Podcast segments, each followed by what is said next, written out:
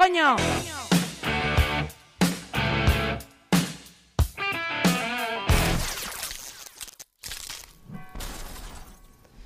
Hola, hola, hola a tothom. Ja tornem a estar aquí amb les ovelles negres de Donat. Com han anat les, les vacances, no? Que hem estat aquí un tiempecillo de parón eh, de gravació i això pues, jo, jo ho noto, eh? Espero que hagueu tingut molt de temps per poder reflexionar, tenir desitjos d'any nou i sobretot moltes, moltes i moltes ganes de tornar a veure'ns i gravar eh, tants programes com el nostre cervell ens ho permeti, no? Perquè al cap i a la fi no deixen de ser idees noves i coses a fer. Jo us he de reconèixer que aquest any no tinc eh, molts propòsits a complir. Eh, sí que és cert que algun hi ha, doncs, com podria ser dedicar més temps a la lectura, a la meva família, etc., no? aquests típics. Dic, però m'he negat aquest any a tindre el, els propòsits banals d'anar al gimnàs, menjar millor i tot això perquè sé que són típics i que són mentira. O sigui, que passo de tindre aquests eh, propòsits banals per bandera perquè sé que no seran veritat i que no els compliré. Llavors, crec que ens hem de deixar d'aquests propòsits una miqueta, entre cometes, tontos i començar a actuar. Que vull ser una persona healthy i ser una persona activa a fer esport, menjar bé i fer les coses, endavant, no? És a dir, és un propòsit que no he de dir, vale, és any nou i faré una miqueta les coses bé. No, les voy a hacer perquè no, és igual que sigui any nou, les farem i les haremos bien hem de ser conseqüents i hem de ser compromeses amb els nostres objectius i amb totes les coses que ens proposem, no? Penso jo una miqueta.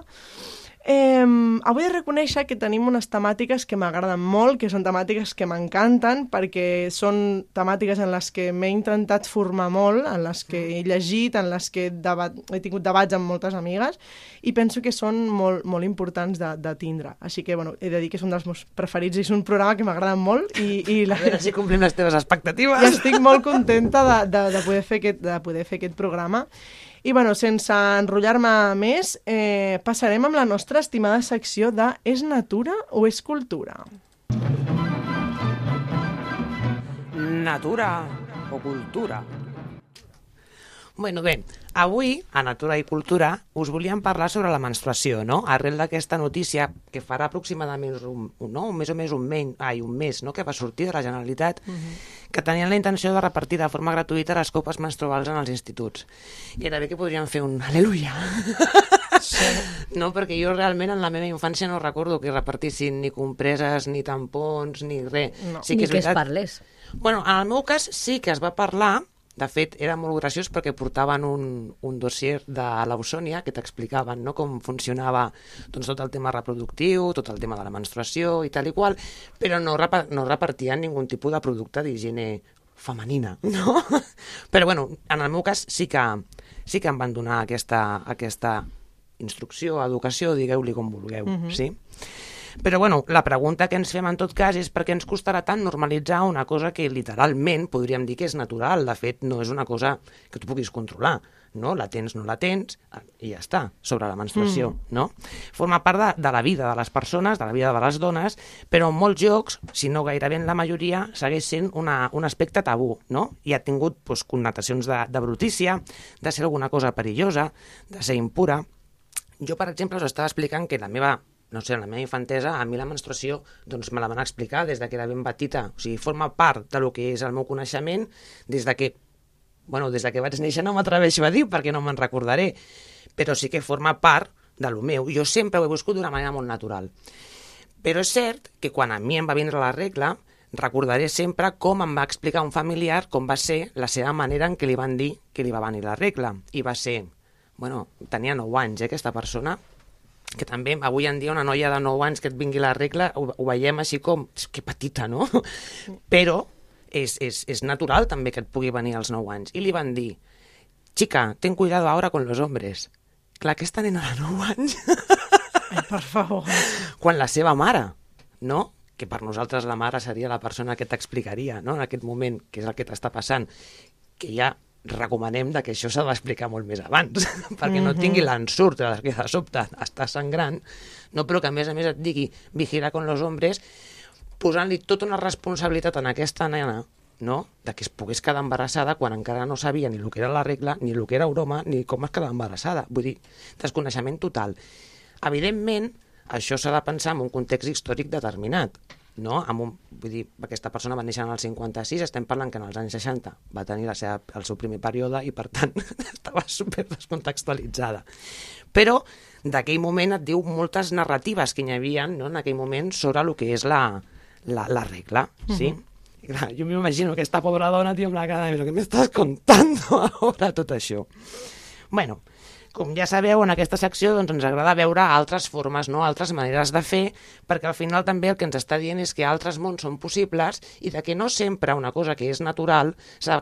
És a dir, que sempre que una cosa que és natural es, es pot acabar concebint de, de formes molt diferents i és precisament la cultura i els conceptes no, que es posen darrere el que et fan pensar sobre allò, si és o no és, natural.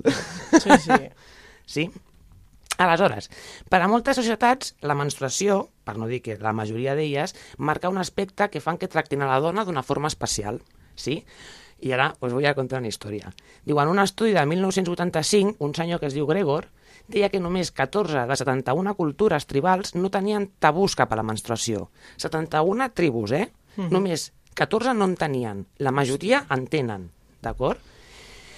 El tema de la, de la menstruació, i de fet Freud ja ens ho va dir en el seu moment, quan hi ha un tabú habitualment hi ha un eufemisme. Molts de, moltes de vosaltres recordareu a la Pepa.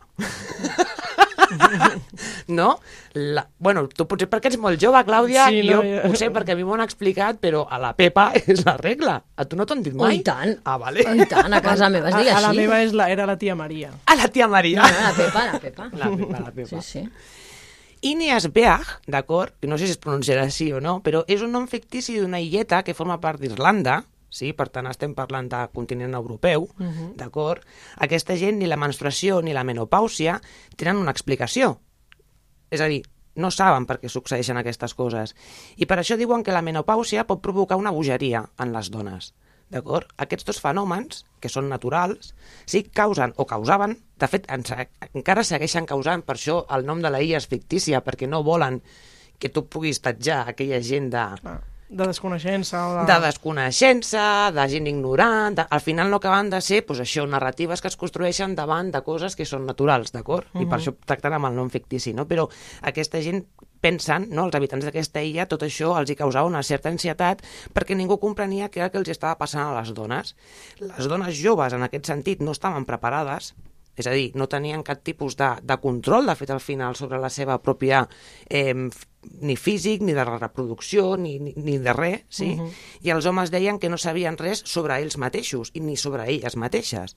Per tant, jo entenc que visquessin o que visquin encara amb, amb, amb, amb un procés pues, d'ansietat davant d'aquestes coses, perquè al final no deixes d'estar sagnant. és que, a veure... Home, clar, et crearà no? por de veure salir sangre en un sitio sí. que no és natural que salga, no? Per exemple, tenim un altres exemples de pobles indígenes, que és, per, bueno, també us ho dic, que no sé si es pronunciarà així o no, però és Mejinaku, que són del Brasil, no? inclosos els infants d'aquesta població, coneixen la menstruació. Homes, dones, nens, grans, petits, tothom coneix el que és la menstruació. Tot i així, les dones que estan menstruant són aïllades amb el propòsit de protegir els homes. Els Mejinaku consideren que els fluids menstruals fan mal als homes o que poden perjudicar les collites, els déus, els sagrats, els sagrats emblemes del grup. Les dones han de ser mantingudes a part dels homes durant el període i poden passar després per una purificació. Altres estudis també diuen que aquest aïllament podria ser per donar un descans a la feina que la dona durant aquest període, sí? és a dir, como está así un poquito débil, pues te damos un tiempo de descanso. Sí, clar. I alhora oferir un espai per a... I aquest, i aquest, aquest, aquest, aquest m'agrada, perquè poguessin confraternitzar. Sí, clar. clar, clar. amb les altres dones. En altres societats, com per exemple Nova Guinea, els homes, simbòlica o artificialment, menstruen. Això ho havíeu sentit alguna sí, vegada? Sí, no, no, el, el, el com por... com es diu això? Por empatia vivo lo mismo que tu, no? Algo així. No, bueno, aquests empatia ni realment fan alguna per sagnar, és a dir, la majoria ho fan introduint un instrument a la uretra i fan sagnar el penis. D'acord? En moltes d'aquestes societats, els homes també fan cerimònies on simbolitzen que donen a llum. La raó que donen per a realitzar aquestes pràctiques és que d'aquesta manera l'home agafa un paper més important en el procés de la reproducció. Ah. Al final sempre, tio, és que acaba sent per treure-li el paper que té la dona. Eh? Clar, és com cen- centralitzem-ho tot. Bueno, encara que en moltes societats les dones amb les regles són aïllades, altres no ho estan, no? És a dir, per exemple, hi ha un antropòleg que es diu Ohanan, que uh, va estudiar amb els pobles tip, sí? Aquests fa molta gràcia perquè, bueno, a mi, a mi em fa gràcia la situació, no? Tu, per exemple, estàs per, bueno, pues pel poblat, sí, imagina't, no?, que estàs per allà pel desert o per on estigui, de sobte veus la dona que està menstruant i goteja. I l'home li diu a la dona, tia, que estàs goteando. I la dona amb el peu fa, ai, perdó, i fa així en el terra I i amb la mateixa sorra ho tapa perquè al final no deixa de ser un rastre. Però això podries dir que és viure d'una forma molt natural, no? bueno, és per adonar-nos de que hi ha diferents maneres de poder veure o concebir això, no? Però ara anem a fer una ullada a la nostra pròpia societat, perquè al final el que també mola no és només mirar els altres, sinó també mirar-nos a nosaltres amb ulls d'estranys, sí? Perquè nosaltres també som estranys. Sí, sí. Bueno, i aleshores, jo crec que partint d'aquesta vivència que us explicava, no? de, de, de fet és un familiar meu, no sé si us he dit, no? i de la vivència de la majoria de noies, jo crec que en comparativa avui en dia les noies i els nois espero que visquin la menstruació d'una manera normalitzada. Sí. No? Espero i desitjo que les famílies no tinguin una ment oberta, els expliquin, que l'escola faci el que té que fer i expliquin què és la menstruació, etc, etc. Igualment, tenim una narrativa nosaltres també referent a la menstruació, no? Frases com, per exemple, tens la regla, oi? Com per justificar el mal humor que tens. Sí? No, no tinc la regla. O sí, però és que m'irrita el gilipolles. Vull dir, no fa falta que la tingui. I si la tinc, ja tinc. Exacte. saps? Sí. O, ai, tens la regla, ja ets una dona. No, perdona. Això és dic a mi. Ara ja ets una dona. Clar, però ets una dona en el moment en què neixes. Al final no t'acaben assignant un sexe. Vull dir, hola? No, no, que, quina... És a dir, el que encara segueixes jugant és amb aquella de dir no, és que ja has arribat a l'etapa. És com el, el, el, el, el step, el siguiente escalón, ¿sabes? Sí. Es como has, has, has pasado eres la transición de... Es como ya eres una mujer, ya eres mujer fèrtil, ja puedes tener hijos, ja puedes hacerlo todo. Clar, Que també he de reconèixer que jo vaig, quan va, a mi em va vindre la regla, per dir-ho així, amb una edat molt tardana per lo que és realment la normalitat entre cometes, jo la primera frase que vaig soltar al veure-ho va ser Mayday, tenemos un problema. Va ser la primera frase que li vaig dir a la meva mare, vull dir, cal dir, com a anècdota, eh, no ahí. Però bueno, al final no deixa de ser una metàfora, no? Per, per indicar, no, d'alguna manera, de que has fet un pas no? en evolució biològica, al final, no? És algo maduratiu biològic. Però que realment psicològicament se li, se li està assignant una sèrie de característiques a una persona que potser madurativament a nivell psicològic no està ni preparada per poder assumir. No, no. Però bueno, sí. I aleshores ens preguntem, no?, des de, d'on ve aquesta manera d'entendre també la nostra societat? Doncs, desgraciadament, ve de la religió catòlica, del como cristianisme. Que novedad. És a dir, sí, clar, vull dir, avui en dia difícilment un dels nostres actes diràs ve de la religió catòlica com sí que ho podries dir en altres cultures, no? Perquè ha quedat, diguéssim que nosaltres ja ho hem separat de la nostra manera d'actuar, no tot és religiós aquí. Però sí que és cert de que en l'imaginari, encara Clar, que no siguis conscient, hi queda, no? I, per exemple, doncs, d'on sorgeix això? Doncs surt precisament del pecat, no?, d'Eva menjar-se en el seu moment a la poma, de que te, li van dir pues ahora vas a tener el parto con dolor y te va a venir la regla y te va a cagar.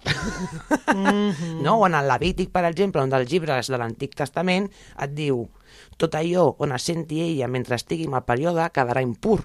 Sí? És a dir, la regla, un fenomen natural, es va convertir una, en una altra eina, o, o una eina, una arma d'opressió utilitzada per justificar la impuresa de la dona i, en conseqüència, de la seva inferioritat respecte a l'home. Ara, i això no sé si m'estic equivocant o no, però n'hi havia una cosa en el seu moment que es volia provar que era la taxa morada. Vosaltres en recordeu mi això sona, o no? però no. En teoria era poder rebaixar l'impost realment de, Ah, bueno, sí. de, Ah, sí, sí, dels sí. productes d'higiene i tot el rotllo, però no es va acabar fent. Sí, i no, i paguem un 10% d'IVA encara pels productes de- d'higiene femenina. Aleshores, és a dir, a mi em sembla molt bé i em sembla un gran avenç no, que al final una administració pública acabi decidint eh, enviant una copa menstrual a les nenes. Jo recordo simplement que la regla dura... mm, Hi ha dones que la poden tenir 40 anys. Amb una copa no fan res. Això No, per perquè començar. realment dura un, aproximadament uns 20, entre 20 i 25 en un mitjanament estat decente. O sea, no, 20-25 euros, perdó, donava 10 anys, Ah. 10 anys, 10 anys. Vull Ui, dir- tenir un lapsus aquí de Vull dir 25 que- anys de que, no, no, I que 10 si anys. realment el que tu vols fer és normalitzar aquestes coses, jo crec que el que has de fer, o és a dir, no és dir ara et dono la copa menstrual, perquè per què la copa menstrual? Perquè és més ecològica, perquè redueixes, a mi em sembla bé, però la gràcia està en que la persona pugui escollir què vol, perquè és ella la que al final té la regla i és ella la que té que decidir si vol tampó, si vol compresa o vol copa. No perquè n'hi hagi alguna cosa política darrere, que no sé quina serà, i a lo millor m'ho estic inventant ara, eh?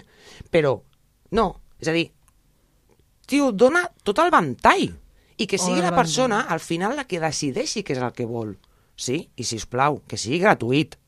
Això és normalitzar les coses, des del meu punt de vista. Clar, però topem amb el de sempre, ja. els interessos econòmics i, i de Bueno, més. és que Claro. el ventall és molt, molt Clar. més gran que no només simplement els productes que tu puguis comprar, perquè dia d'avui n'hi ha moltes compreses de tela, moltes També. calcetes que són també ecològiques, hi ha productes que redueixen el, el, la, a la contaminació sí. i tot. Hi ha moltíssims, fets a mà, fets comprats, fets el que tu vulguis. El que dèiem, obre el ventall, no només diguis ja això, aquesta opció, no, obre el ventall perquè hi haurà moltes persones que no saben la quantitat de productes que hi ha. I una altra cosa a afegir, perquè se m'ha oblidat, però, eh, i potser per finalitzar, però normalment aquí es té molt també el, el, el d'allò de dir és dolorós. No? La regla sol ser dolorosa. La reg... I assumim que el dolor forma part d'aquest bueno, fet biològic, però últimament ja s'està dient que no que les regles no tenen per què fer dolor. I si No. n'hi ha dolor, és que millor cal realment de que hi hagi més persones, segurament més dones, implicades en la investigació, no? i que estudin realment si això que és tan natural té que fer mal. No? Que millor no ens hem d'adaptar ni acceptar aquest dolor i a lo millor, bueno, no ho sé perquè jo no sóc científica, però... però que vull dir que les narratives també canvien i que hem d'estar al Sí, tanto. jo havia sentit això de del no ha de fer dolor i jo el que tinc entès és que en el moment que es desprèn a l'òvul sí que fa el, Mm-hmm. el, el mal aquest, no? En, en, en, al voltant d'aquest moment, no? Però la resta, vull dir, aquest excés de dolor és el que sí que s'ha de mirar. Claro. Perquè moltes dones van a, al, al ginecòleg, ginecòloga i, i el que es troben és amb un, mira tia, t'aguantes perquè això t'ha de fer mal. I resulta que el que tenen és algo que, Exacte. Endometriosis. endometriosis i més problemes que jo, com diu l'Helena, no sóc metge i no ho sé, però hi ha un problema que causa aquest dolor tan, tan fort. Però amb el que es troben és, mira, escolta, és que t'ha de fer mal, t'aguantes, Mm. No? Sí, Bueno, sí. crec que és obrir el, el que estem dient, obrir el ventall, obrir les diferents possibilitats i quines diferents opcions i tipus de, de menarquia, menarquia, no? És la paraula així tècnica que n'hi ha. Crec que és un tema molt interessant que podria donar-nos per moltíssim més. Crec que algun dia podríem fer una secció també de recomanacions i, i d'opinions personals, no? De diferents, per- de diferents... Nosaltres vivim la, el nostre període d'una manera diferent i crec que seria molt interessant poder-lo explicar. Eh, continuem amb el programa perquè crec que va una miqueta bastant lligada la, la temàtica i crec que és molt interessant, com dic, aquest tema el vic molt a tope i m'agrada molt. I ara eh, passarem a poder veure des d'una altra perspectiva amb la secció de fragmentos literarios.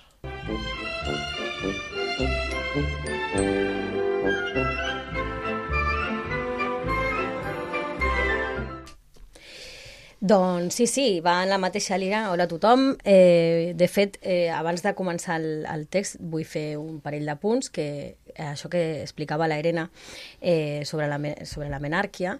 Eh, parlaves del tab bueno, de la religió cristiana, però volia fer-te l'apunt que no és la religió cristiana només. No, no. Però bueno, com que farem un altre programa ja, ja, ja avançarem. Eh, us parlaré de, bueno, i del tabú, del tabú, del que no es parli d'això. Jo vaig anar a una escola de monges i ja us explicaré un dia com ho vaig viure jo, eh? vull dir, no existia això. I mm, llavors us parlaré, us llegiré un fragment d'un llibre que es diu Carrie, de Stephen King, eh, cuya protagonista és una noia que té telequinesis Uh -huh. i tot, o sigui, el punt d'inflexió succeeix just a la, a la primera escena del llibre, quan ella està a la dutxa i passa el que, el que us llegiré ara. Miss Desjardins, la profesora de gimnasia, entró en el vestuario. Estiró el cuello, echó una rápida mirada al derredor y dio unas vigorosas palmadas. ¿Qué esperas, Carrie? ¿El juicio final? La campana sonará dentro de cinco minutos. Las muchachas sofocaron una risita, y Carrie levantó los ojos, la mirada lenta, aturdida por el calor y el ininterrumpido martilleo del agua. Fue un sonido extraño, parecido al croar de una rana, que resultó grotescamente apropiado. Una vez más, las chicas ahogaron la risa. Miss Desjardins hizo un irritado gesto de impaciencia en dirección a Carrie y salió. La muchacha cerró el grifo, y la última ducha se extinguió con una gota y un gorgoteo. Antes de que diera el primer paso, nadie había visto la sangre que le corría por la pierna. Regla. Chris Hargensen lanzó el primer grito. Este fue estrellarse contra los azulejos de la pared. Rebotó y volvió a estrellarse. Fue, Shu Snelk ahogó la risa en la nariz y sintió una extraña e incómoda mezcla de odio, repugnancia, exasperación y lástima. La chica tenía un aspecto tan idiota parada allí sin saber lo que le estaba ocurriendo. Santo Dios, cualquiera pensaría que nunca... Regla. Se estaba convirtiendo en una salmodia, en un conjuro. Alguien en el fondo, quizá Hargensen u otra, Su no podía distinguirlo con precisión en esa selva de gritos, chillaba con ronco desenfado. ¡Que se lo tape! Regla, regla, regla.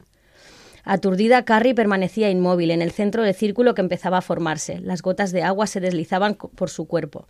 Se quedó parada como un buen paciente, sabiendo que la broma era a su costa, como siempre, muda y desconcertada, pero no sorprendida. Su experimentó un asco creciente cuando las primeras oscuras gotas de sangre de la menstruación golpearon las baldosas del piso y formaron círculos del tamaño de una moneda. Por el amor de Dios, Carrie, tienes el periodo, gritó su límpiate. Ah. Lanzó una mirada bobina en derredor suyo. El pelo pegado a sus mejillas seguía una línea curva que le daba la forma de un casco. Tenía una erupción de acné en su hombro. A los 16 años, la huidiza marca de la persona que ha sido hondamente herida ya aparecía claramente en sus ojos. Estás sangrando, gritó de repente su furiosa. Estás sangrando, mamarracho estúpido. Carrie bajó la vista y se miró. Dio un alarido. El sonido se oyó con fuerza en el húmedo vestuario. De repente, un tampón le golpeó en el pecho y cayó a sus pies con un ruido sordo. Una mancha como una flor roja apareció en el algodón y se expandió. Entonces la risa, despectiva, horrorizada, asqueada. Pareció alzarse y estallar para convertirse en algo horrible, punzante. Las chicas estaban bombardeándola con tampones y compresas higiénicas, algunos sacados de sus bolsos, otros de la estropeada expendedora automática. Caían como nieve. La salmodia se convirtió en que lo tape, que lo tape, que lo tape. Su también los lanzaba y repetía la salmodia junto con las demás, sin saber muy bien qué estaba haciendo. Una frase mágica había acudido a su mente y resplandecía allí como un anuncio de neón. No haces daño a nadie. Realmente no haces daño a nadie.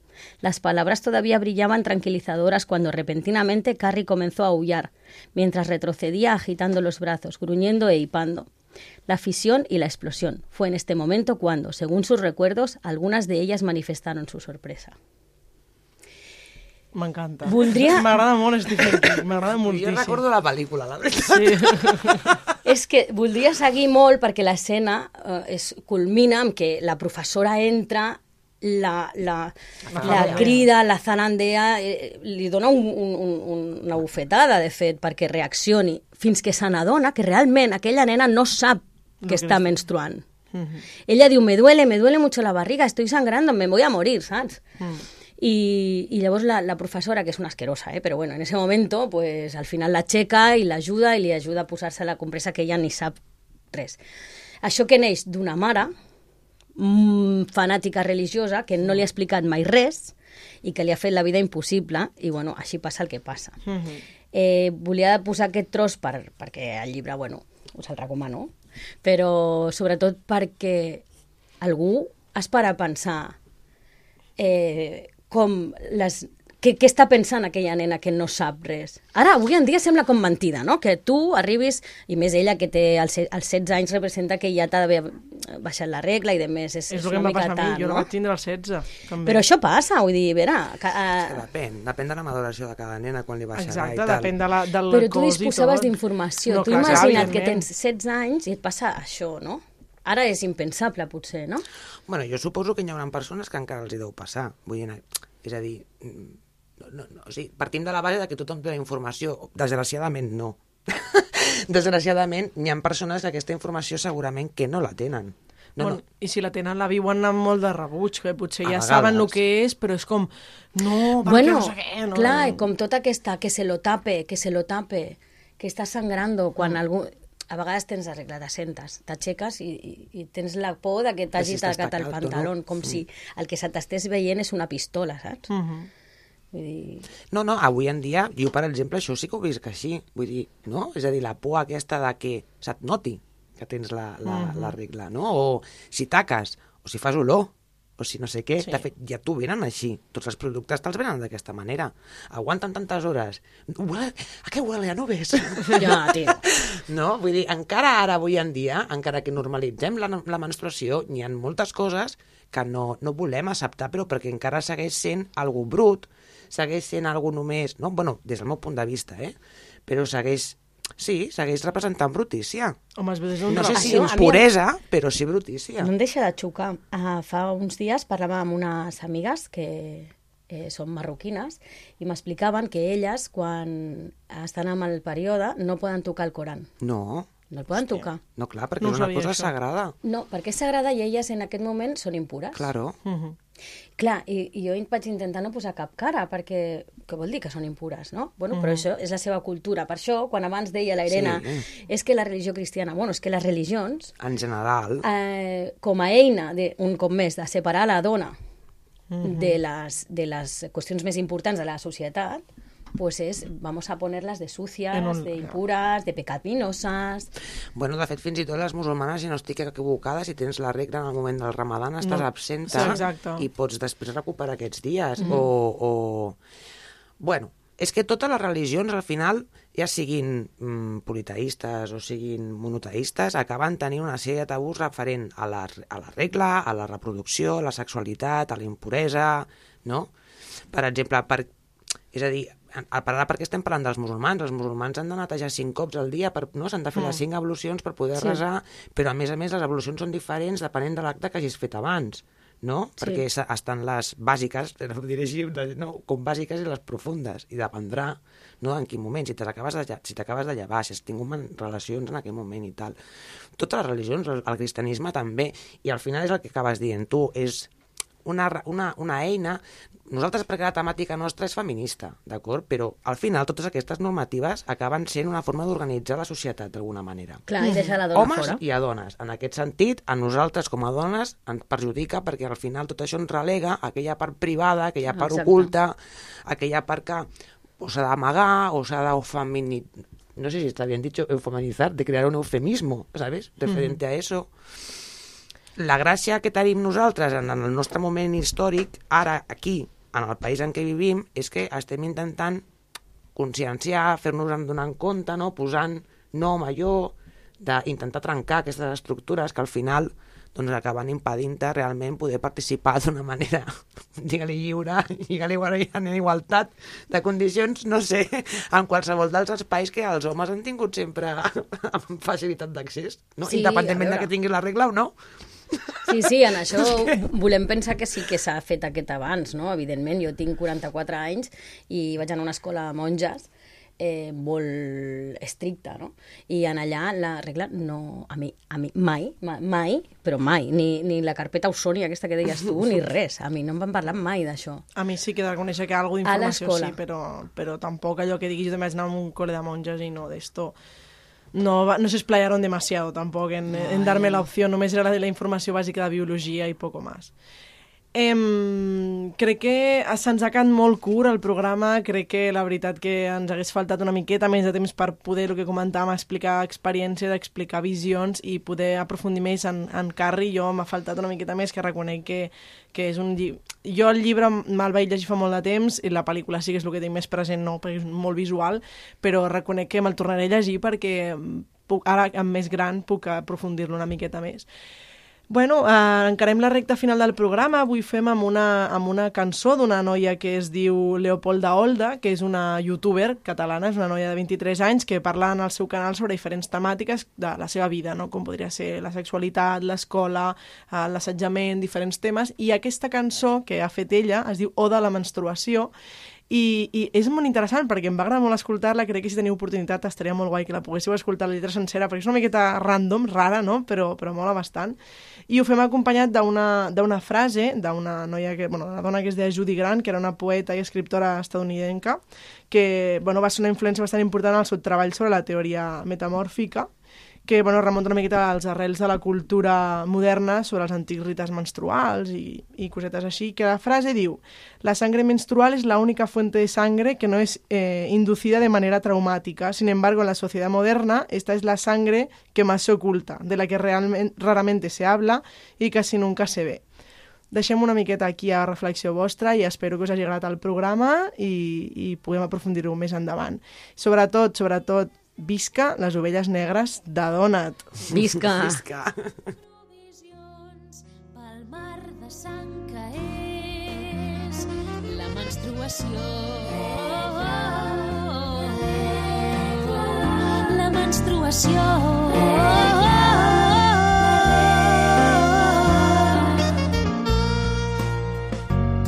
Sempre vens en mal moment, no pots venir un sol cop l'any. Si sabessis...